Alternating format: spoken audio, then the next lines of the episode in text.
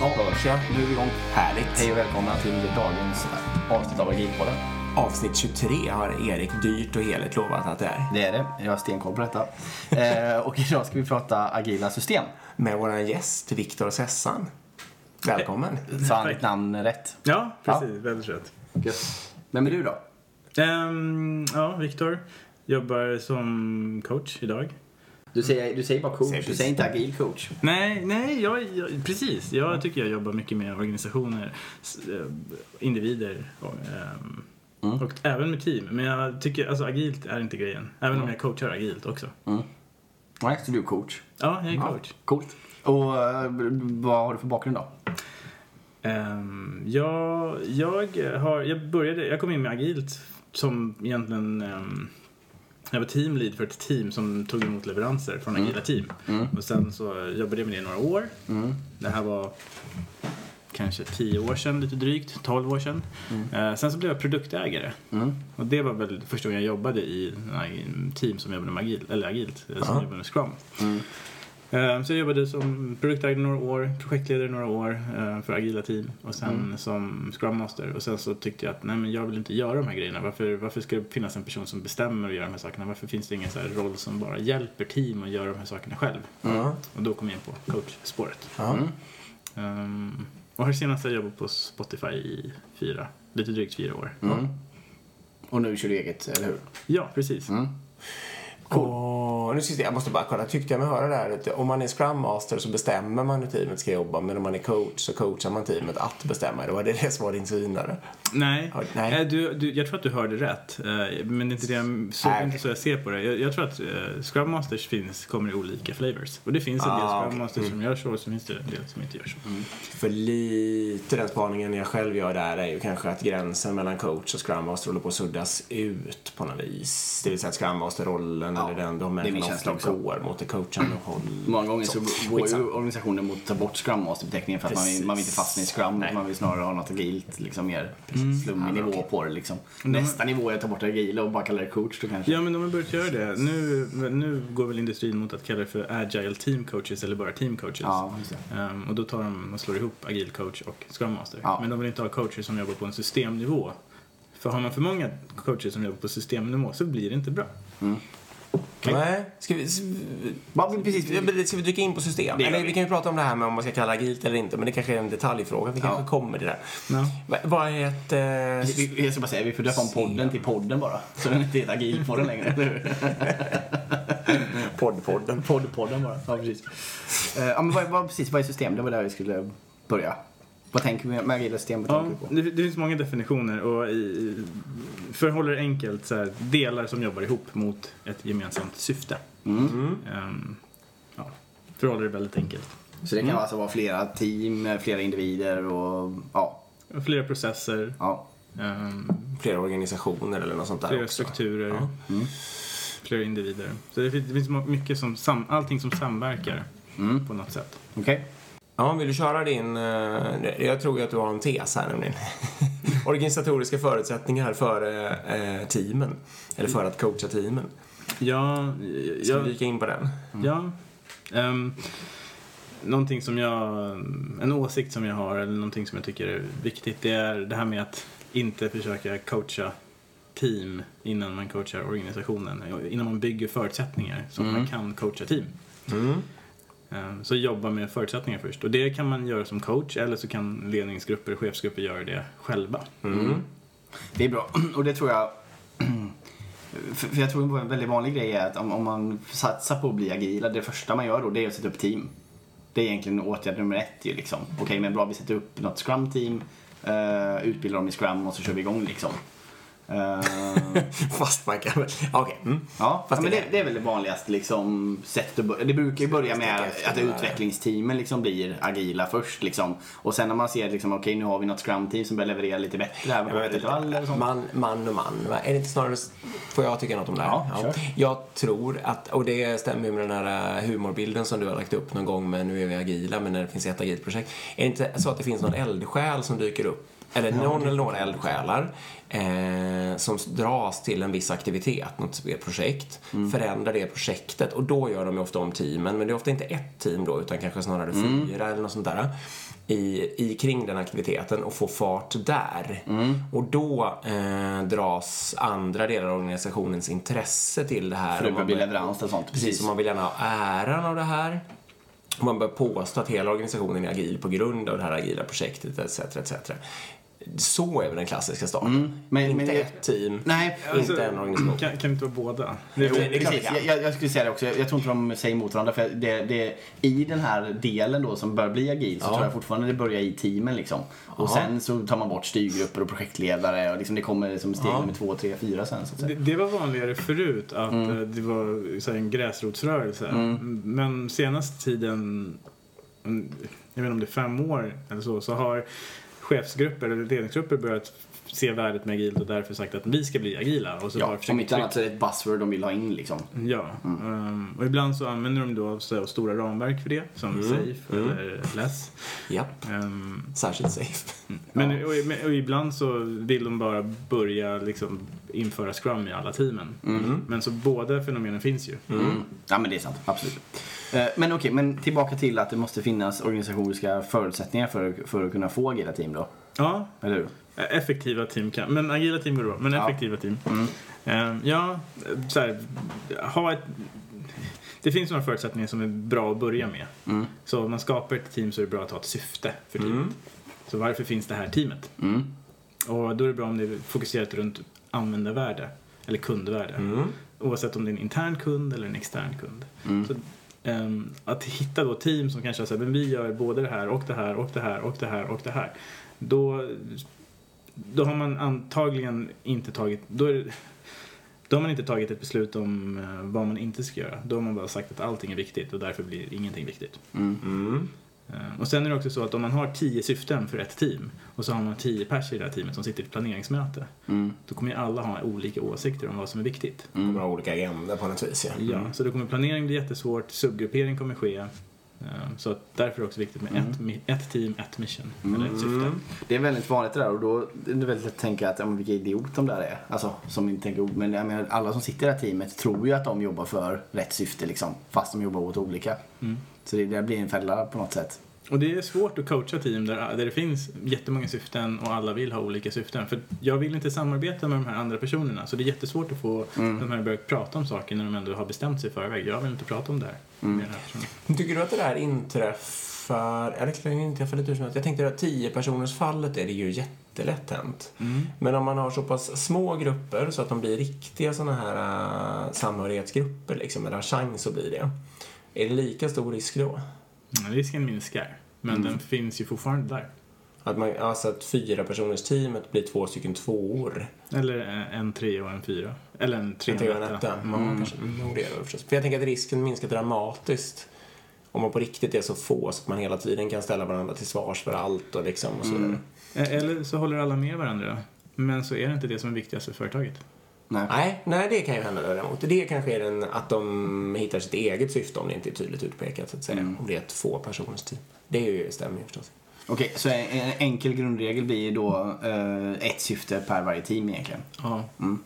Det är en bra början. Ja, det, och, då, och då kan man kolla. Så att man kan ju, en sak som jag brukar göra i organisationer där man inte riktigt ser vad syftet är, det är att eh, fråga produktägaren, så här, vad är ert syfte? Varför finns ni? Eh, vilka är era intressenter eller kunder? Vilket värde levererar ni? Sen gör jag det med två eller tre till personer i teamet och så jämför jag svaren. Och får jag olika svar, vilket jag ofta får, då kan man bara spegla det antingen till ledningsgruppen eller till teamet. Om det bara är ett team så kan man ha konversationer med teamen. Men är det, hittar man det här, är det här ett mönster som man ser mellan tre, fyra team, då blir det en jätteintressant diskussion för ledningsgruppen. Så, så här, era team anser att de har helt olika syften och liksom, är det här någonting ni känner igen eller vilka andra sätt ser ni det hända? Ja, det är bra. Ja, verkligen. Det är en bra övning att börja med kanske. Mm. Och det, så det kan ju en ledningsgrupp göra utan att ta in en coach Ja. till exempel. Mm, om man kommer på det. Ja, om man lyssnar på den här podden. Ja. Om man lyssnar på Vilket den. alla ledningsgrupper i hela Sverige gör. Så det är ju inga problem, det är bara att sno på. Tror du inte? Och sen kan ni ju ta och kopiera Eriks självförtroende också. Nu vill ha fler saker att kopiera. Precis. Ja.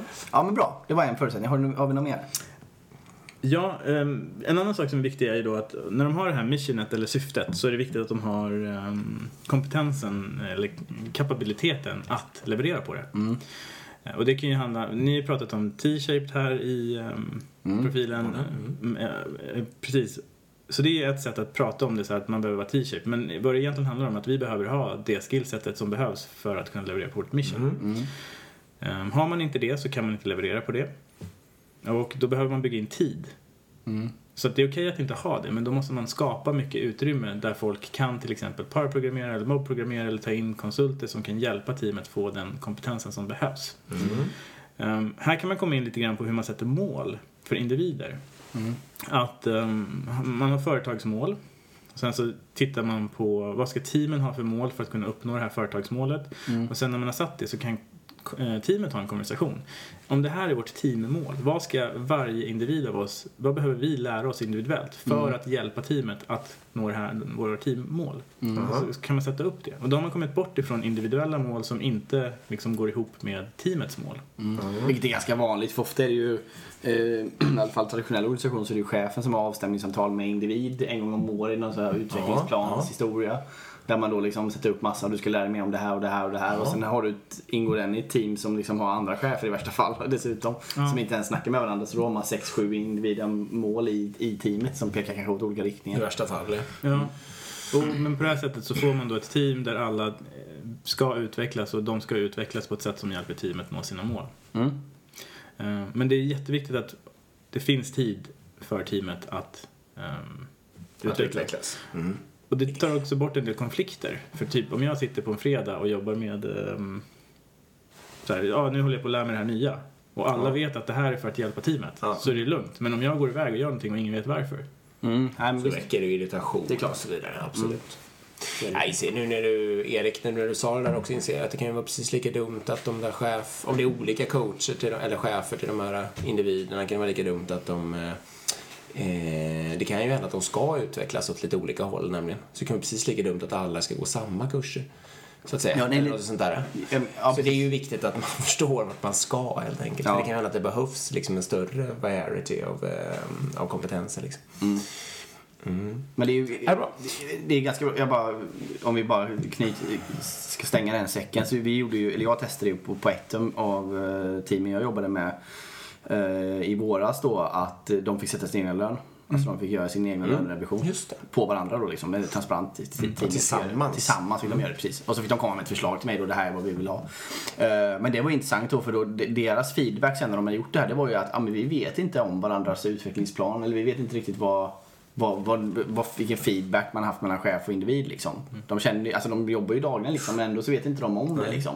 Så de visste, ja men har vi uppfyllt liksom ungefär det som var mina grejer jag skulle jobba med och så här, mina svagheter. Det, det Ja, de de vet inte om själva men de har ingen aning för de andra. Nej. Exakt. Så, så deras feedback direkt var ju att mm, vi vill också göra samma grej med liksom, utvecklingsplanen då. Liksom, att man kör den i teamet med varandra och har en transparent liksom.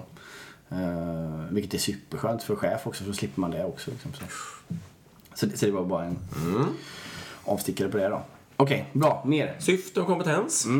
Feedback. Mm. Behövs feedback från kunder och från organisationen. Eh, regelbundet. Mm. Teamet behöver veta att det de gör spelar någon roll. Teamet behöver veta om de löser rätt problem eller inte. Mm. Ehm, så feedback, superviktigt. Mm. Att, alltså att åstadkomma en permanent feedback loop från slutanvändare och från resten av eh, den egna organisationen, var det det du sa? Ja. Ja, jag tjatar mycket om det i de, när jag ställs in, de problem jag ställs inför organisatoriskt också, att det behövs. Ja. Håller fullständigt. Nej, men det, det, det är en motivationsgrej också. Om du inte ser vad, du, vad det påverkar och det arbetet lägger ner. Du bara går ut i sånt tomma intet. Liksom. då, ja. Och, det, och det möjliggör också, så här, feedbacken eller närheten möjliggör ju empati. Så Ja. ser man då sina kunder eller sina användare använda någonting så får man empati. Det gör också prioritering och planering mycket lättare. Eh, Då blir det inte helt plötsligt, "Nej, men jag tycker inte det där är viktigast. Om alla har sett vad kunderna eller eh, de interna användarna kämpar med så blir det jättelätt för att det blir en sån sense of urgency. Empatin finns där. ja, det är sant. Så. Helt sant. Bra grej.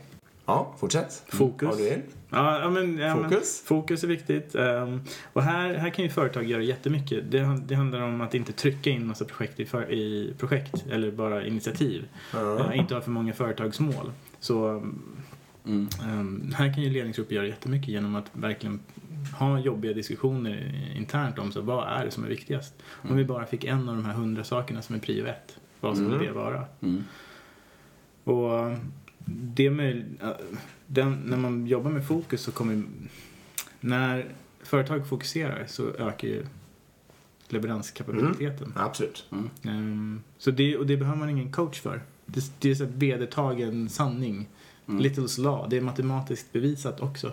Mm. Så så här, det behöver ingen coach för. Det är bara besluta för att göra färre saker så kommer ni få fler saker gjorda snabbare. Nej men så är det ju absolut. Jo, jo, men... eh, Precis. Jo, ja men det är ju så. Jag menar, eh, Ja, ja, jag, jag ifrågasätter inte, men jag, utifrån så som, vad ska man säga?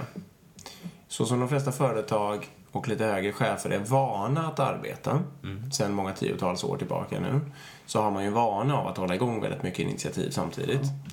Eh, och bra eller dåligt, jag menar det finns väl folk som har gjort fel på ett visst sätt i många tiotals år liksom. Och inte, det betyder ju inte att man helt plötsligt vaknar upp en morgon och bara, ja men det här ska jag nog ändra, det här var ju dumt. Utan det är väl just då man behöver en coach, skulle jag kunna säga. Eh, och just det här, det är ju också, om jag nu får använda ordet agilt, så är det en, en, agil, en del av en agil, eller när jag lär ut en agil kultur så brukar jag tjata om att man behöver ha äkta prioritering. Och då behöver någonting vara viktigare än allting annat. Man behöver liksom rangordna uppifrån och ner. Eh, och om man har det mindsetet i sig, som då kanske vissa coacher, som till exempel du då har, eh, då kan man ju stötta en ledningsgrupp och göra lite likadant. Och det behöver inte betyda att man drar sitt feta röda streck direkt efter ettan, men man kanske drar det direkt efter sjuan liksom, av de här initiativen eller eh, alltså strategin eller vad det nu är för någonting. Och inte efter nummer 32, som det kanske är hade Som det blivit blir vanligt, annars. de- Exakt. Eh, och då får man i alla fall någon slags fokus. Och det tror jag verkligen att en coach kan, Stötta Alltså, med. ja, ja alltså, du har rätt. Jag av egen erfarenhet. Ehm, Coacher kan hjälpa till väldigt mycket.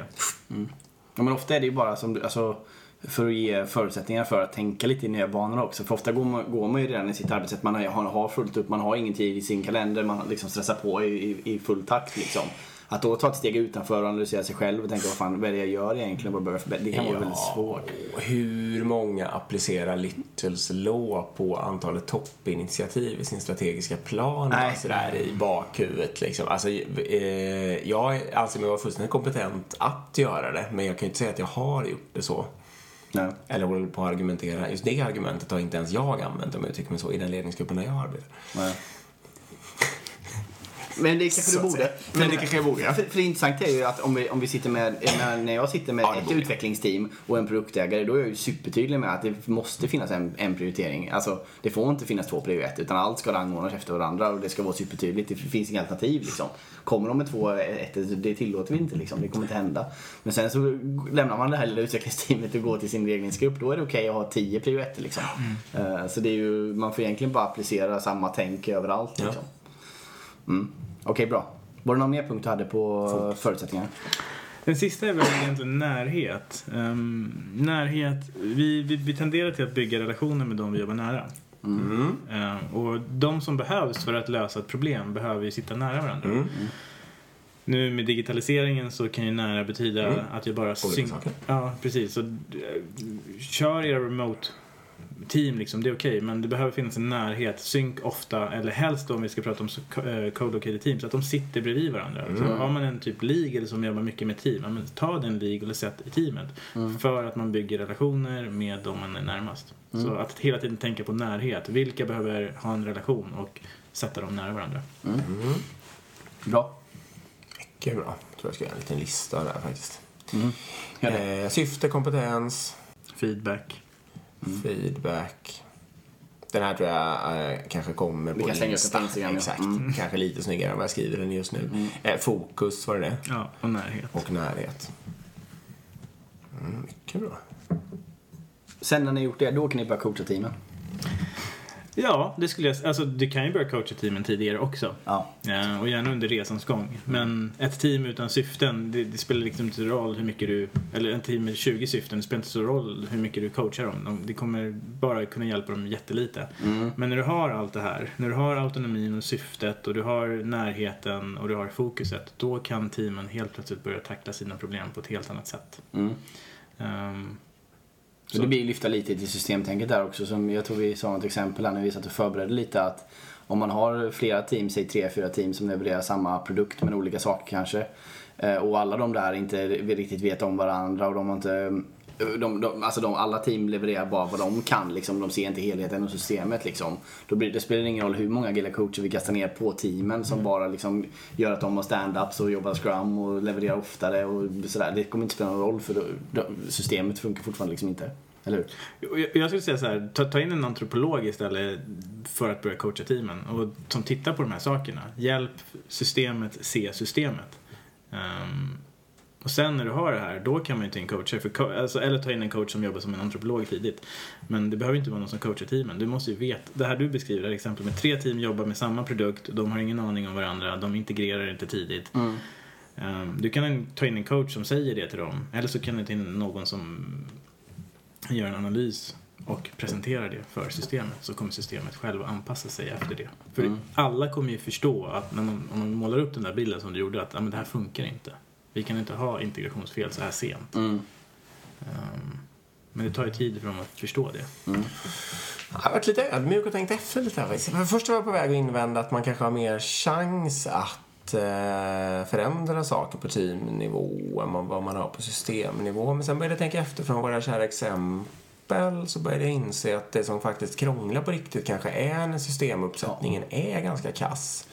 Och det, är det som har funkat när vi har gått ganska hårt åt teamen är det som du och jag jobbar med förut i världen till exempel. Eh, då hade vi nog, alltså inte superbra systemförutsättningar men de var liksom okej. De var okej. Exakt. Och vad som vi hade där, ofta om man får end-to-end-ansvar så har man ju, då blir ju de där systemförutsättningarna självuppfyllande. Eller liksom, det finns en större chans till det i alla fall. Om, för om teamet är autonomt end-to-end eh, så blir det ofta, då får man ju ofta använda feedback. Eller det finns mycket större chans att skaffa sig den i alla fall. rättare sagt. Och fokuset och alltihopa. Mm, nej, det här var mycket intressant. Det här ska jag tänka på. Jag, jag har ju också ett sånt här, eh, en stor, en här stor aktivitet just nu då, det här absolut inte är uppfyllt. Som jag håller på att brottas med och faktiskt inte kommer någon vidare vart med. Där har man gjort Alltså, försök att coacha just team. Liksom. Ja, där har man gjort mycket försök att coacha team och det här är mycket människor. Alltså det är 50 människor i min organisation och så finns det beroenden till andra organisationer. Ehm, och och det, är, det är svårt liksom att få, det, att få hastigheten att öka eller få det bra liksom, har jag märkt. Mm. Mm. Ja, bra. Verkligen. Superintressant. Bra, vi, vi ska hoppa vidare. Det kan vi göra. Vad vill ni ta Nu har tag vi i? pratat om förutsättningar. Eh, vanliga fällor hos coacher hade vi en här. Mm, så vi hoppar över på coachbiten lite. Jaha, nej men vi kör på det ni undrar. Vanliga fällor. Ja. Ehm, vi kommer nog hoppa mellan de andra tror jag lite grann. Men vanliga fällor är... Det, det är väl att inte förstå... Att hoppa in i en eh, organisation utan att förstå vad de har för utmaningar och problem. Att inte sätta mål innan man hoppar in. Så typ, vi behöver en coach. Ja, jättebra. Och så kör man intervjuer och så får man reda på att den här coachen är jättebra, jättemycket erfarenhet och här har ett team. Men coachen har inte förstått vad organisationen har för mål eller utmaningar och man har inte satt de här målen. Så att um, när man börjar jobba där så börjar man observera, man försöker bygga relationer med teamen och det, det går ganska lång tid på att faktiskt eh, skapa någon form av probleminsikt. Mm. Och den tycker jag man ska ha i förväg. Mm. Mm. Så som coach så är det då bra att fråga sig, men vad är jag här för att göra? Liksom, mm, Om jag gör ett bra jobb, hur kommer ni se det i era siffror eller era kundnöjdhetsmätningar? Liksom, varför är jag här? Um, ofta är det klienter som säger saker som så här, men kan inte du komma in och köra en kanban-utbildning och sen hjälpa två team under två veckor med kanban? Mm. Men sen när man börjar visualisera vad de har för problem så kanske det är så här, vi har dyra prototyper. Mm. Och då behöver man inte ens prata om kanban, för då kan man titta på så här, men kör design sprints. Mm. Mm. Så att det är jätteviktigt att förstå det här och göra en ganska, göra ett jobb innan man ens väljer och tacka ja till någonting. Och där tycker jag en vanlig fälla som coacher gör, att de bara försöker komma in. Och hur stort ska det utredning, eller det utredning, Det är en, Fult ord ska jag inte ta i min mun. Men hur, stort, hur, liksom, hur länge ska man... eh, en konversation kan räcka med en chef. Okej. Alltså, eh, Kan det- vara en Det kan, ja kvart, precis. liksom, typ. Nej, en timme. Timme ja. Så då, då, om, ni, om någon frågar, om någon, om någon ber mig så skulle jag kunna fråga vad har ni för problem med er organisation och ehm, har du sagt de här sakerna till teamen? Nej, Mm. det har jag inte. Okej, men där, det är kanske är en bra plats att börja, att du och teamet har en konversation om de här sakerna, för teamet kanske har en annan syn på det här. Mm. Det kanske finns saker som eh, är strukturella som en coach inte kan hjälpa till med. Ehm, och så vidare, och så vidare. Så därför är det jätteviktigt att få reda på de här sakerna. Mm. Annars kommer man in i en tid, man, annars kan man som coach skapa jättemycket problem i organisationen när man kommer in med Mm, massa idéer och så och så skjuter man in massa stress. Organisationen bryts sönder på grund av de här förändringarna som man hjälper teamet försöka få till. Mm. Mm, som egentligen inte har stöd och så uppifrån eller från systemet då liksom. Mm. Och eller individerna som gör Eller, det. ja, eller, ja, men det kan man ju kanske mer påverka. Mm, jag har ju faktiskt, eh, eller jag och jag, men ja, i min organisation i alla fall som jag är ansvarig för så gjordes det ju lite så att vi kanske tog in en, ja, en väldigt bra coach som kunde göra väldigt stora grejer men som, som just, jag ska inte säga att det var dumt gjort men det blev i alla fall en utmaning att det var en stor clash mellan eh, de systemen och de kringliggande grejerna och vad den coachen försökte göra för det teamet. Mm. Då blir det mer att, man, Ja. att det blir stress liksom. Precis, och då, det blev stress, definitivt. Sen gjorde den coachen jättebra grejer också, så att säga. Trots de förutsättningarna. Men det hade ju varit smartare att eh, titta på förutsättningarna först, faktiskt, nu när du säger. Men många chefer vill ju bara ta in en coach som man kan ju bara hjälpa mig att fixa. Jo, jo men det, och det är ju, det är ju tyvärr så. Den stora nackdelen med, med att ha med den uppsättningen med traditionella chefer det är att de själva har inte tid. De, ofta sitter de ju långt ifrån teamet och långt ifrån det som faktiskt levererar värde. Så de har själva liksom inte tid att, att förstå vad problemet är. Utan det blir bara att någon äskar upp att det finns problem, vi hinner inte. Jaha okej, man tittar lite i budgeten. Ja men bra, vi kan ta in en dyr konsult som hjälper oss liksom. Eh, då gör vi det. Ja, om jag skriver en snabb annons, jag, jag kan fixa en halvtimmes intervju nästa vecka, det är vad jag kan klämma in liksom. Eh, så man, det är ju en jävla easy fix som inte funkar liksom. Men det är väldigt, väldigt vanligt. Och sen det är inte så konstigt heller, menar, sen sitter ju ofta, speciellt, det vet kanske du då, men, men är man egen företagare, man vill ha uppdrag också. Ja. Eh, Och alla kanske inte har möjligheten att cherrypicka uppdrag heller liksom. Och då blir det att man såklart man ställer in sig själv om man vill ha ett snabbt jobb absolut. liksom. Så men det blir ju så kan det bli också. Jag tror inte det är så jättemånga konsulter som tackar nej till uppdrag för att de inte tycker att det passar sig Mm. själva liksom. Den här personen eh, av olika anledningar valde att avsluta uppdraget i och för sig.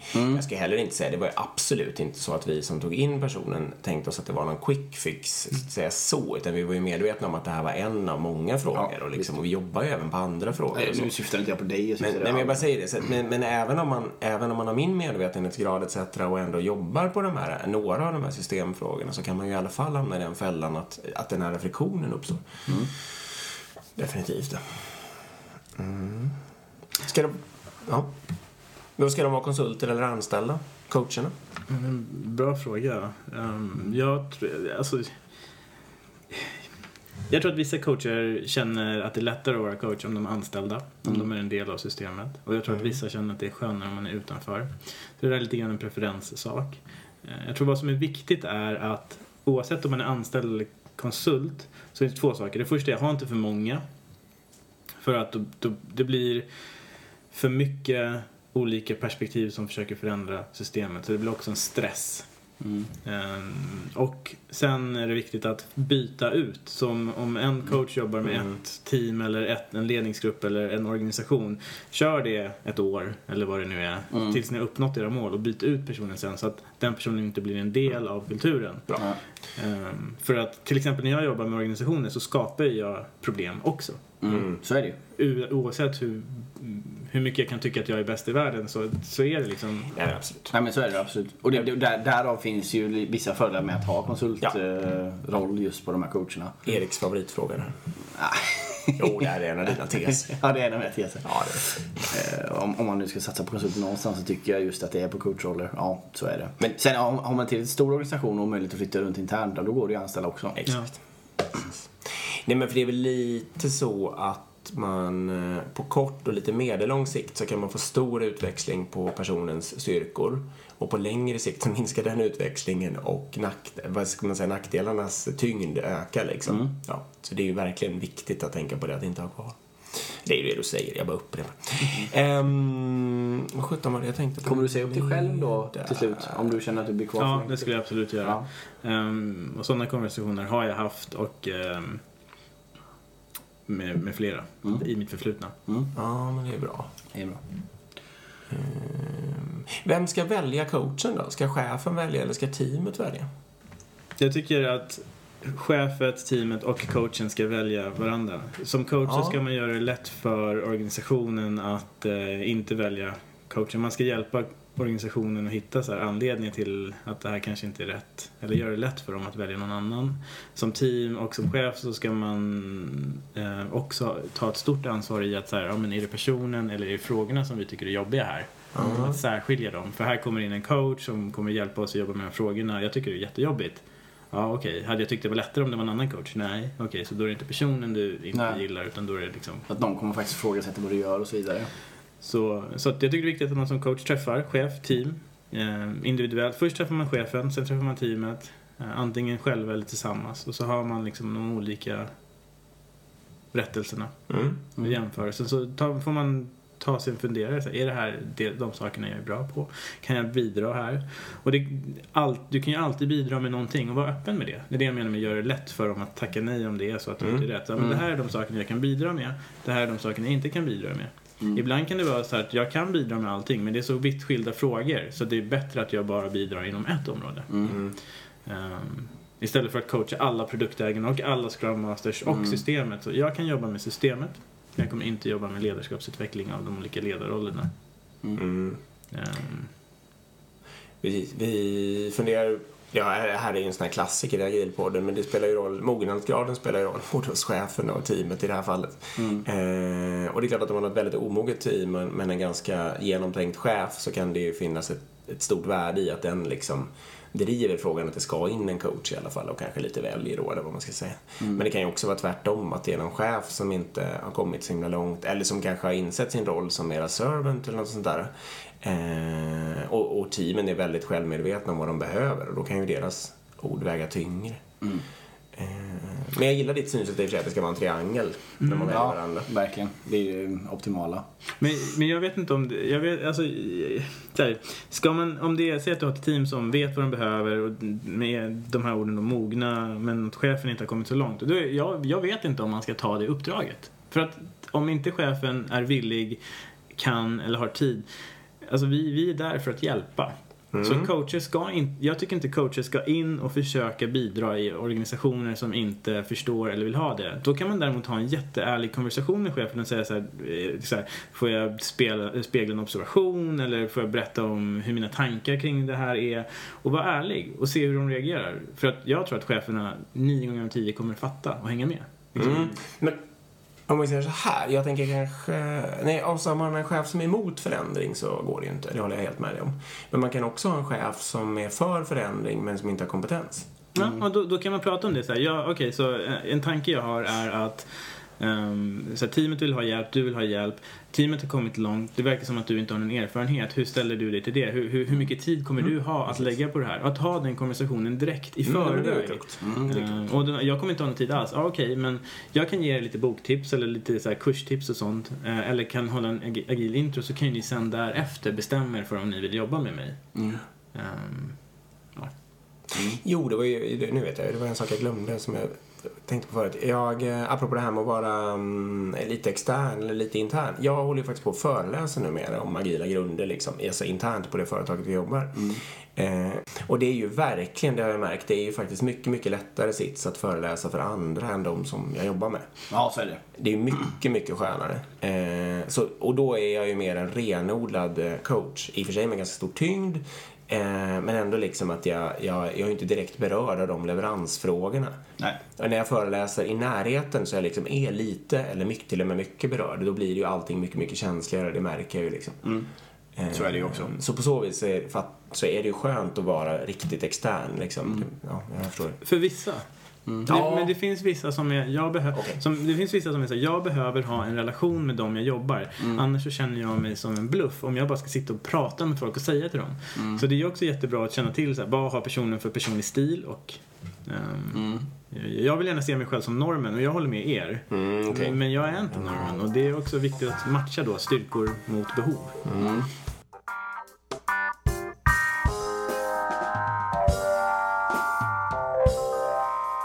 Finns det fler fällor? Ehm, ja, en, en fälla som... Jag, så jag går in i alla de här fällorna själv och en, den här som kommer nu är också en vanligt. Det är att ehm, ta inte beslut åt teamen eller organisationen. Eh, Man kan, se ett, eh, man kan sitta i ett teammöte och så kan man se att de, de har dåliga stand-ups. Och så kan man gå in och försöka förbättra stand-ups. Ja. Eller så kan man ta sig, så här, ta, nu tar jag det lite lugnt och så här, varför har jag den här åsikten att de har dåliga stand-ups och varför har jag åsikten att de borde följa det här andra formatet? Jo, för att de gör de här de här sakerna. Okej. Men spegla det istället och låt teamet ta beslutet.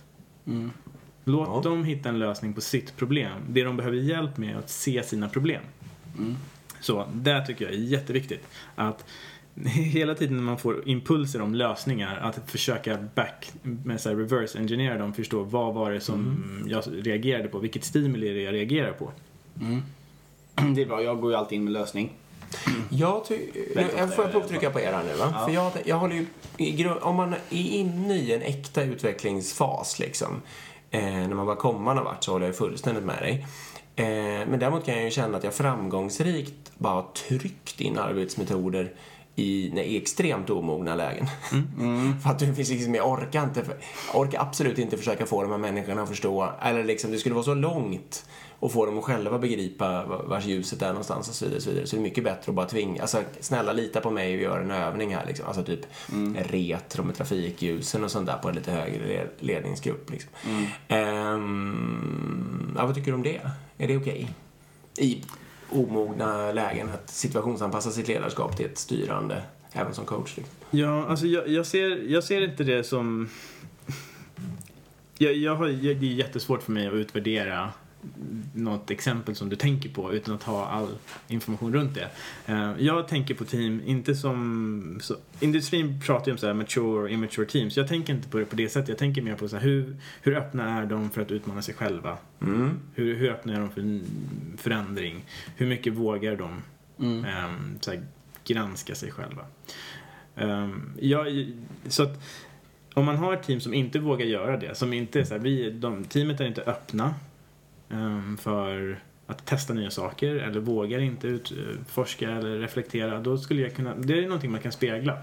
Så här, men nu, nu sitter vi fast här som team, Eh, vi har ingen arbetsprocess, Eh, vi har en låg leveranskapacitet och vi utforskar och utmanar inte vårt sätt att arbeta. Vad tänker ni om det? Mm. Liksom, det är en, en konversation man kan ha. Absolut. Och du kan ju alltid, om du är chef så kan du alltid ta beslutet att vi ska göra så här. Men man kan alltid börja med att slänga problemet på dem, spegla problemet på dem. Jo, men det är det, och det har vi varit inne på lite i tidigare avsnitt också det här. Men det, det är ju det här med liksom självorganisering, att man tar besluten i teamet. men Alltså man slipper den här förankringsresan och så vidare. För om man trycker in, nu i vissa fall håller jag med dig Dick om att man måste göra det. Men om man trycker in till exempel att nu ska vi köra ett agilt arbetssätt, nu ska vi ha scrum teams här, nu ska vi ta bort den här projektledningsmodellen och projektledaren åker och nu kommer det in coacher och bla bla bla. Eh, Och då och fem- 40% eller 50% är emot det liksom. Jag kan ha alltid rätt att göra det ibland ändå. Eh, Men eh, men, men då får du ju ändå förankringsproblem och du kommer få folk som går emot det och du folk som kommer säga upp sig och folk kommer sprida negativa grejer och sådär. Du får ju vissa sådana problem. Det Om, om man kan testa och först göra det och, och få dem att göra det själva, då, alltså komma fram med en lösning själva. Fast du kommer men ändå få folk som säger upp Jo, sig så om du det. behåller det vid nuvarande sättet. Jo, jo det, ja absolut. Så, är det också. så- men, men, Ja, det mycket på, men jag ska bara, får jag, har vi tid med det här? Ja, Det här caset som jag tänkte på, det främsta caset jag tänkte på, det var ju liksom banalt mera. Eh, och det var jag, det jag var inte chef, utan det var mina kollegor och min chef som jag tänkte på. Och det var ju att, ehm, det var just att, att, att överhuvudtaget begripa hur man gör den enklaste möjliga form av retro på en enkel fråga. Och det är klart, och då kände jag att det var liksom lättare att visa dem ljuset genom att bara föreslå, lita på mig nu, nu gör vi det här liksom. s- och med den coachmetodiken än att hålla på och att vi skulle komma på det tillsammans. Eh, bara för att få dem att prova en gång liksom. Och det är väl det jag känner att det kan man verkligen, tycker jag man kan kosta på sig att göra i omogna lägen. Eh, men man ska akta sig för att driva det för långt givetvis. Ja, jag håller med. När man kommer till organisatoriska grejer och det där, ja, ska man vara projektledare eller inte, då kommer ju alltid individen som har jobbet, i, eller väldigt många fall kommer ju den vara emot och det är ju en fråga i sig då som man måste hantera. Det är, ja, vilka man ska få med sig vidare. Men då är det ju mycket mer en känsla, eller en, viktigt att eh, en avvägning om hur mycket man ska få organisationen med sig. Det håller jag helt med. Men var du coach i det här exemplet? Eller var du... Nej. Nej, för att... Bara en kollega egentligen som vem Så- som helst, så men då är mest, det- mest kompetent. Ja.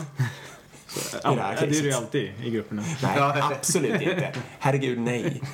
Jag, Jag skojade. Om vi säger så här då, om vi pratar om till exempel, ta typ, typexempel nummer ett som jag inte är mest kompetent så är det ju att övertyga företagsledningen om eh, eh, olika saker eller, eller liksom dra de slipstenarna som ska dit. Där känner jag direkt att mina kollegor kan mer än mig. Men om de här frågorna kan jag mer än mina kollegor. Men, men som, jag tycker, det tycker jag är en helt annan sak också än som coach att komma in. För att man vill inte bygga ett, eh, en relation till teamet att de är beroende av dig som ledare. Nej. Det är sant. Eh, Och det, det, det är det som händer. Och, det, och många coacher, det är en jättehärlig position att vara i. Man har ett Mm, team som är... Ja, uppmärksamhet, bekräftelse. Du, de behöver dig. Och vi är, teamet finns inte för din skull. Nej, det finns för deras skull. teamet, ja. Mm. Och det är samma sak med chef. Ja. Exakt samma tankemönster med chef. Väldigt många. Ja, och i- om man drar servant leadership eh, längre så är det ju definitivt det. Mm. Oh, Bra. Ska vi ramla på? Ja, jag är sugen på det här med observation. Tänka klart, det är egentligen Ja, bra. ordet. Bra. Tänk klart. klart. Mm. Ja, ehm, Så det kommer leda, det är en cliffhanger, det kommer leda till observation. Det kommer det göra. Hur tänker man klart? ehm, ja, precis. Som coach kan man hjälpa grupper tänka klart. Det är viktigt att vi människor tänker inte klart oftast utan vi, vi ehm, ser någonting och så vill vi så får vi en åsikt. Ja, så här borde vi göra. Mm. Ehm, och så har man fyra eller fem personer i teamet som också har gjort det. Mm. Men man jämför inte datan. Mm. Så alla har sin tolkningsmodell på sina observationer och drar en slutsats och det man diskuterar är beslutet. Mm. Och då kan det vara jättebra att backa tillbaka och titta på så här, vad var det för data? Eh, vad drog ni för slutsatser baserat på det och vilka beslut vill ni ta? Så då, Esther Derby har, hon lärde mig hur hon gör och hon jobbar med fyra frågor som hjälper grupper att tänka klart. Mm. Eller individer. Mm. Och den första frågan är då så, vad var det du såg eller observerade? Mm. Och så kan man ha en konversation i en grupp. Och då så säger de så här, "Men det här var det jag såg, det här var det jag hörde. Okej, men då får man en gemensam datapool eller grund liksom. Och sen, okej, vad var det som var svårt med det då? Och så får alla berätta vad de tyckte var svårt. Mm. Och då börjar de helt plötsligt reflektera kring hur de förhåller sig till observationerna. Nästa fråga, den tredje frågan är då, hur, ehm, vad drar du för slutsatser nu när du har sett datan och hur du förhåller dig till den här till datan? Mm. Mm. Och sen till, till sist då, vad, vad tycker ni att ni borde göra givet det här? Mm. Och då blir ju beslutsmodellen mycket tydligare kopplad till liksom, tolkning, ehm, utmaningar och data. Mm. Och det är en, som coach är det här otroligt lätt. Man behöver bara ställa de här fyra frågorna. Man kan ställa frågan så här, vad var det ni observerade? Och sen är man tyst i 5-10 minuter och sen när konversationen börjar dö ut så ställer man nästa fråga Mm. och så vidare och så vidare. Mm. En sån här sak som jag funderade på där, när, när använder du Det det här. här? Ja, exakt. Ehm, när grupper har svårt att ta beslut eller de fastnar kan man göra det. När de fastnar i argumentation Mm. eh, om någonting. Ehm, jag satt med ett team som jobbade med ehm, jag satt med ett team, intern IT-team som höll på att diskutera hur de skulle jobba med sina användare. Mm. Ehm, och så höll de på att för, försöka prata om så här, hur ska vi bemöta dem när de kommer hit. Och de fastnade för att de hade alla de satt på olika platser Ja. så, så kunder kom till dem på olika sätt från olika håll och de hade olika åsikter och olika tolkningsmodeller. Så då ställde jag de här frågorna, så men vad är det ni ser hända varje dag? Ja. Eh, vad är det som är svårt med det? Och liksom, ehm, ja, sen efter tio minuter så kunde de ta beslut. Det här var en litet team om tre personer. Mm. Mm. Men så egentligen vad som helst, när man fastnar och kanske framförallt när man fastnar alltså i affekt kring snabbt fatta beslut eh, som kanske inte är genomtänkta och sånt där. Det är då du plockar fram det. Ja, eh, precis. Då kan, då, Är det här uh, typiskt lappövning i tystnad? Nej. nej, det här kan vara en konversation. Det här kan också vara en lappövning. Men, men det måste inte vara det, det kan vara en konversation. Det viktiga är ju att folk får... Men, men då kan jag säga så här, men ta, ta 30 sekunder och tänk på det här innan ni svarar. Eller du måste det precis. För annars som att du bara kopiera först, så man verkligen tar ställning själv. Eller det beror ju på en mognad och sånt där förstås. Men, men jag tänker att det måste vara viktigt att all, varje individ tar ställning till alla fyra grejerna. Eller i alla fall till de tre första. I, I det här teamet så var alla väldigt... ehm, Ja, De, de var all, alla hade mycket, de var beslutsamma, hade åsikter och eh, visste vad de själva hade för åsikt. Så det, den här tystnaden behöv, var inte så viktig för de, just de Nej, här. alla var säkra på sin sak. Ja. Ja, eh, men, men i team där det kanske är en större blandning kan det vara jättebra med det. Så att man, där får man förhålla sig lite grann till sitt team. Nej, coolt. Det är bra. Det kan jag prova, ja. Så de, de här frågorna kan man göra för att få tänka mer klart då. Jag håller med, jag går ofta i den fällan annars att eh, om man ser en, situation där ett team har, gör någonting som man tycker är fel eller de är inte överens eller någonting. Det är väldigt lätt att, att snabbt ta beslut bara. Ja, men då testar vi det A i en eller två sprintar och så utvärderar vi det sen. Funkar inte det så tar vi B liksom. Är alla med på det? Ja, okej. så typ. Men, men då, då, som du säger där, då utgår man ju väldigt ofta från tidigare erfarenhet. Eh, Alltså vad, vad har jag sett innan funkar kanske hos ett annat team eller och, och så. Men det man får tänka på där många gånger är att många förutsättningar ändras ju. eh, Om man byter team liksom. Man byter Precis. kanske produkt och det är andra individer och så vidare. Men sen också som du sa där lite tycker jag var intressant med att tidigare erfarenhet kan också vara jävligt gammal liksom. Jag menar det som funkade för tio år sedan kanske inte funkar idag liksom. För det har skett utveckling på de där tio åren liksom. Det, det är otroligt in- Precis. Men det också kan det ju jobba upp. Det gäller ju bara att vara väldigt medveten där. Och för det är klart att om man kör bil eller något sånt där eh, och det hoppar fram en älg, då är ju tidigare erfarenheter troligtvis relevanta. Ja. eh, i beteende och då är det ju jättebra att man har en, den sortens beslutsprocess som baseras på tidigare erfarenheter till och med inarbetat som reflex. Ja. Eh, och det kan ju hända att även i yrkeslivet finns en hel del sådana exempel där man tjänar på att kunna vara lite snabb och för att få allting att gå framåt. Men driver man det för långt blir det ju livsfarligt. Nej men så här, incidenter, då är det jättebra att kunna, då behöver man kanske inte i början ehm, facilitera stora konversationer utan då kan Nej, det, nej. När, när det finns väldigt tydliga externa hot eh, då, eller människors liv står på spel så kan det ibland vara viktigt att här, bara ta ett beslut och, istället för att Mm. gå in i sådana konversationer. Men, men i vår industri, eller min erfarenhet är att de flesta problemen jag stöter på är inte så kri- tidskritiska. Nej. Um, där man måste ta ett beslut på en sekund och det måste vara rätt beslut på en sekund. För då börjar man ju bygga de här beslutsfattningsmodellerna. Och det, då får man ju följa dem. Men, men jag har inte jobbat på såna, med sådana frågor. Mm, fast det är också, jag tänker också att det är bra i och för sig, alltså man jobbar, om det är en medarbetare som jobbar med byggpipelinen och den stannar så är det för, men jag menar, då är det väl väldigt ofta det läget att det är en enskild individ som fattar ett beslut själv så det blir ju ingen konflikt nödvändigtvis av det men då är det ju bra att den är ganska snabb när den vidtar sina åtgärder liksom. Det är ju först när det, eller antar jag, när man börjar få olika åsikter och det liksom påverkar gruppdynamiken och så vidare. Det är ju då det blir extra viktigt i alla Ja. fall att ta till Jag håller, jag håller med dig Victor. I 95% av de problem jag upplever hos team, de är inte tidkritiska. Utan ofta så Nej, är det liksom att precis. det är en samarbete som inte lirar eller det är något som inte, alltså. Det, det, det, och då kan det vara bra att reflektera ur. Och inte bara gå på lösning. Mm. En bra poäng. Mm. Eh, Du berättade själv om någon observation du gjorde som var eh, ganska lång också. I alla fall för mig, det 4-6 veckors Just eh, exemplet där. Ja, det, alltså, ja, det, ehm, Det är bara kul som exempel för, för att förstå att det inte bara alltid handlar om fem minuter liksom. Eh, Jag jobbar, alltså jag jobbar ganska mycket så överhuvudtaget vad jag än gör. Um, när, när jag var på, ni, ni såg det här, eller när jag var på Spotify så, jag kan ge det här exempel, men jag kan ge några andra också. När jag var på Spotify så hade jag en åsikt om att, men vad gör egentligen ehm, det är någonting som inte känns helt rätt i vad produktägarna gör här och eh, våra chapter leads, eh, eller när jag jobbade där. Och då startade jag igång en undersökning, eller så här, då, då skickade jag ut en survey som alla svarade på vad de gör och sen körde jag massa i- intervjuer och sen så gjorde jag det med tre månaders mm, ehm, intervaller. Och sen efter ett halvår så hade jag förstått att okej, det här är det som chapter leads jobbar med, det här är det som produktägarna jobbar med. ehm, för det här, och det här är mönstren. Mm.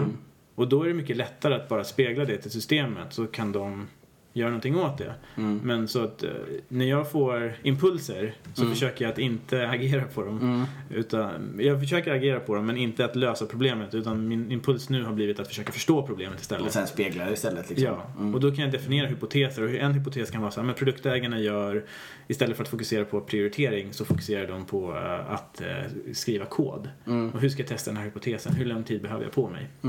Men det kan också gå jättefort. Eh, här senast så satt jag och en annan coach och vi, vi tänkte så att ehm, det pågår just nu en omorganisering och vi är osäkra på om folk har förstått syftet med den, om, om cheferna har gjort ett tillräckligt tydligt arbete. Mm. Så då skrev vi ihop en survey och vi körde, eh, vi tog ett data, vi tog så här, vi ville, eh, vi hittade random 10% och så skickade vi ut den till dem och så fick vi svar från hälften av dem. Så vi fick 5% av organisationen. Mm. Jag fick dem ratea hur mycket de trodde, eh, själva kände att de hade förstått syftet och så fick Mm. de skriva det i ord också. Ja. Och så stämde det bra Mm. med det som eh, ledningen hade sagt. Och då blev okej. det jättetydligt, okej vi behöver inte agera på det här, så släppte vi det. Ja. Men i det här fallet med fyra till sex veckor så var det ett, ett team som hade jobbat med, eh, en ledningsgrupp som jag jobbat med som, vi har jobbat med lite olika frågor. Ehm, de har gjort jättemycket framsteg i de frågorna. Mm. Och jag kände någonstans här, men nu vet inte jag riktigt var jag är just nu och vad jag ska hjälpa med. Så jag sitter bara tyst ett tag. Så satt jag tyst i deras möten, mer tyst än vanligt i alla fall. Mm. I fyra veckor. Och sen så började jag se att okej, i den här frågan, i beslutsfattning, där tror jag att de behöver lite stöd. Mm. Så då definierade jag min hypotes. Att så, här, men, ehm, de har svårt att fatta beslut på grund av X, Y, Z. Och nu, så nu har jag då beslutat att under de kommande två till fyra veckorna så ska jag bara observera hur de gör det. Mm. Och sen när jag vet det, då kan jag presentera det. Och då blir det inte heller bara någonting som är taget ur så luften, utan då är det så här, här har ni tio... Ja, det är det. Och då blir det jättelätt för dem att ta beslut kring det. Och då slipper, alltså jag gillar verkligen det där. För, för, för det första, det, det du säger där också, det är att när du väl presenterar, då presenterar du inte fem lösningar utan du presenterar det faktiska problemet. Mm. För då, då blir det återigen det här med förankringsproblem, man hoppar över det. För om, om du kommer bara med lösningen där, då kommer två säkert inte fatta riktigt varför och så blir det lite problem och så kommer de undra och så blir det med interna konflikter. Alltså det skapar massor med mer tjoff som man inte vill ha liksom. Ehm, Men det funkar med grupper som är bra på att ta beslut och inte kanske är så bra på att analysera. Men sen så kanske du har grupper som är jättebra på att som analysera. analyserar i Som inte, så då kan, då, där kan ju grejen vara att hjälpa dem att faktiskt gå in med idéer eller att ta beslut. Så att man måste ju också veta vad är det för grupp jag jobbar med och vad har de för styrkor. Mm. Men just den här gruppen då, analys är en av de, de sakerna de vill ha hjälp med. Mm. Och det kan jag hjälpa dem med. Det är bara, för jag tänker också när man väl kastar upp eh, sån underbyggd data som det faktiskt blir där och bara visar den, då, då, då, då tänker jag att det blir ganska snabbt fokus på att diskutera, okej vad ska vi göra åt det här? Istället för att diskutera, nej men har vi verkligen det här problemet? För om du bara hade sagt, istället för att visa det med underbyggd data, att ni har problem med att ta det här beslutet angående det här eller sådär. eh, Då tror jag det hade blivit, nej men det har vi väl inte, jag kan ta beslut på en gång. Att det är, alltså förstår du? Då blir det en diskussion om det är ett problem eller inte liksom. Där, där har ju data rätt uh, härlig effekt ibland. Mm. Mm. Helt sant. Det är också, du, du sa, jag nämnde det förut Erik, det är också lite den vetenskapliga approachen. Eh, baseras ju ofta på, alltså man kan ha en hypotes men sen så är det ju data. Eh, för att förkasta eller validera den liksom. Ja, exakt. Eh, och, in- och inte hålla på och bara tycka och känna med magen och alla sådana där saker. Eller vara för snabb. Och, ja. Fast det kan också vara data. För att, så här, jag, är data, jag gillar data jättemycket och jag jobbar mycket mer på att komma i kontakt med min intuition. Och det kan ju också vara någonting att spegla istället för att agera på. Så man kan, man kan hålla koll på sig själv. Hur känner jag mig i de här mötena? Att Jag känner mig omotiverad och eh, oengagerad. Mm. Och då kan man spegla det. Ja, ja. Här, jag, I de senaste fyra mötena har jag känt mig ganska oengagerad. Hur har det känts för er andra? Mm. Och det behöver inte vara... Och så kanske hälften säger ja, vi gör det och andra halvan säger vi gör inte det. Och då kan man prata om, okej, men det är ändå en stor skillnad här. Hur kommer det sig? Vad är det som gör att ni känner så och ni gör så, känner så? Så man måste inte alltid jobba liksom med, jätte, all, med allt analys i förväg. Utan man kan också agera på ofärdiga saker och bara se vad som händer. ja, men du agerar ju ändå på datat i det fallet. På Ja. något sätt, så att säga. Det var egentligen bara det. Ja. Jag menar, du, du, bör, du säger ju inte att vi, nu ska vi göra det här mer intressant genom att, liksom. Det är ju inte det. Men jag säger det för alla, alla de som är mer intuitiva som tycker det är jobbigt med datainsamling. Så er intuition är ju jätteviktig. Och den är otroligt bra vägledare, så att använd den. Bra, Vi har ju faktiskt, i den ledningsgruppen jag jobbar i kör vi ju glad sur eh, mellangubbe nu eh, när man går in på mötet varje gång. Pluppar bara. Eh, det är ju en slags datainsamling, men väldigt subjektivt hur det känns. Hur kul är det att jobba liksom. Eh, som kan leda till väldigt bra diskussioner och liksom. Mm. Tips för övrigt. Vad, har vi något mer vi vill dunka i? Ja, ja, mm, ska, ska, ska, vi, ska man kalla det agilt eller inte? Ja, ska vi ta det lite? Klassiker. Det är väl en bra grej Vi att avsluta touchade det i med. början där. Ja. ja, det gjorde vi lite. Eh, Körde in... Eh, För du var ju lite inne på att man kanske inte, att det, att det har spelat ut sin roll lite ord, i alla fall agila metoder och det kan jag i hålla med om. Eh, ja, ordet i sig var du väl inne på. ja. Ja, jag tycker alltså så här, ja, Nej, kör. Alltså, jag- ska jag säga min tes först eller? kör. Min tes är ju lite att det är okej att tänka sig en agil kultur, att man kan använda ordet som i eh, som det första i uttrycket agil kultur och att det säkert kan leva i många tiotals eller till och med hundratals år tror jag. Eh, men då menar inte jag skrum och sånt med en agil kultur utan då menar jag teambaserat, prioriterat eh, och end-to-end kanske, lite några sådana riktiga fundament liksom. Mm. Eh, Självorganisation kanske. Självorganisation, ja. Och självförbättrande. Nu har jag sagt alla, tror jag. Mm. Ehm, men, men jag håller ju med om att man inte ska fastna i skrum eller, eller de där eh, grejerna, för de kommer ju bli omoderna. Jag, jag, en fara jag ser med eh, ordet agilt, det, för det första så kom det för vad är det, 2001? Så Mm, 2001 kommer det 17. definitivt. Det är 17 år sedan nästan. Och eh, det var det- det var ett gensvar på de problemen och de rörelserna som fanns då. Vi har Mm. inte de i lika stor utsträckning i alla fall som ni säger. Men jag tycker inte de, de Pratar finns... det själv som jag sa förut. Ja, men de finns inte. Alltså, det, vi, Nej, det har jag inte. Världen ser så annorlunda ut och när vi pratar om agilt så blir det så här, ja, man ska gå tillbaka till manifestot och hur det såg ut då. Och det är så här, eller så kan man se det som att då fanns det de problemen och man valde att lösa det med de här principerna. Vad har ni för problem här och nu? Och oavsett vilka principer som finns, hur vill ni lösa det? För att när man, fast, när man pratar om agilt så blir det så här, här har ni en verktygslåda med fördefinierade verktyg. Applicera dem på eran vardag. Mm. Och det tycker jag är lite farligt. För man, man pratar inte om de faktiska problemen man har då. Um, återigen, det här med spegla saker. Speglar du ett problem, speglar du så här, det finns tio beställare för teamet. Du behöver inte prata om att det behövs en produktägare. Teamen kommer själva fatta, organisationen kommer själva fatta att vi kanske borde ha en person. Mm. Och då har man inte pratat om produktägare eller, eller skrum eller så vidare. Eller så kan man gå till dem och säga så här, vi ni ska köra agilt, ni ska ha en produktägare. Men jag tror, jag tror personligen inte att det kommer vara lika effektivt som att spegla systemet för systemet självt. Eh, och därför tycker jag lite grann att det är det som faller undan när man pratar om det här agilt. Eh, det är så många som försöker sälja agilt, sälja de här Mm, lösningarna. Jo, men det är det. Och det, och det, och det blir ju värre och värre. Alltså Ja. typ safe som vi har varit inne Ja, det är ju- Nu har vi sågat det i varje avsnitt senaste 18 gångerna här kanske. Så vi får sluta med det snart. Men, men det är ju lysande exempel på där man försöker faktiskt kapitalisera på agilt och sälja in ett jävla ramverk till höga chefer. Och, och, och så låter det bra och det är mycket buzzwords i och så det är bara att ta och göra liksom. Så så är det och jag håller med. Det finns vissa nackdelar med att prata agilt. Jag kan undvika det i vissa sammanhang också för det, för det, eh, det blir fel fokus liksom. Det blir fel, då blir det diskussion på ordet och vad det innebär och inte innebär och sådär. Och, Men vad ska hända med de här personerna? Alltså det kommer upp massor med sånt istället för att prata om vad har det faktiskt för värde? Eh, vad, vad, vad skapar det för värde att, att leverera en agil kultur eller eh, agila metoder då? Eh, mm. Ja, visst. Men, men det är också ganska, i mogna organisationer tror jag man kan börja lyxa bort det där. Men, men många gånger kan det fortfarande vara bra att tjata om det också för det, det kan bygga, alltså om man tänker omogna organisationer.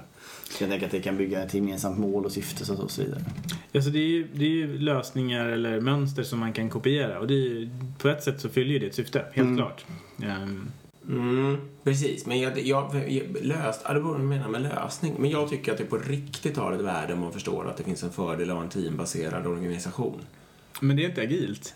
Jo, för mig är det det. Men, Men- okej, men- det är men- där det börjar skilja sig lite. Ja men om du tittar på andra industrier, så här, sport, ett, team agila. Alltså så här, ett fotbollsteam agilt, de behöver ett team för att funka. Och det teamet behöver ha Ja. gemensamma värderingar och liksom ett, team agreements. Är de agila? Nej, de är ett team. Eller tittar du på så här... eh, Alltså det finns ju, eh, ambulansteam, är de agila? Mm. Ja, men jag tänker kanske inte sånt... Eh, jag tänker kanske inte där det finns en regel eller där det finns en fysisk begränsning som ett fordon och sånt där liksom. Utan jag tänker kanske mer där man skulle kunna välja att organisera sig eh, individuellt liksom, och, och skulle kunna tro att det skulle kunna fungera. Men när man ändå ser att om det är kunskapsrelaterat, om det liksom hör till kunskapsindustrin och man då väljer att göra det teambaserat, då ser jag som att man har valt en agil kultur så att säga. Om man gör det och några andra saker. Och det tycker jag ändå är ett betraktelsesätt som jag gärna pratar kring på något sätt. Och då använder jag ju verkligen ordet agilt och tycker att det tillför ett värde. Men inte, jag behöver inte säga ordet produktägare och inte ordet skrum och inte ordet backlog. Det använder jag ofta i och för sig för att det är många som fattar vad det betyder. Men, men jag skulle inte behöva säga det liksom. Eh, och inte sprint och, och allting sånt där, absolut inte. Nej, men alltså båda har rätt liksom. Ja, Eh, nej, ja. Det, det beror lite på hur man vill sälja sitt budskap. Ja, eller sin det. tes. Men, men det är en intressant poäng tycker jag att, eh, att men det är ju en rolig tes också att prata om att ta bort agilt liksom. Mm. Eh, Så, så jag, jag håller med dig i din poäng. Att eh, ibland kan man fastna i helt fel diskussioner av att använda ordet agilt hela tiden. Och många grejer kanske inte ens har med det agila att göra liksom, utan det, det har med vissa andra grejer att göra liksom. Men man kopplar rätt på det på det Mm. agila. ja. Bra!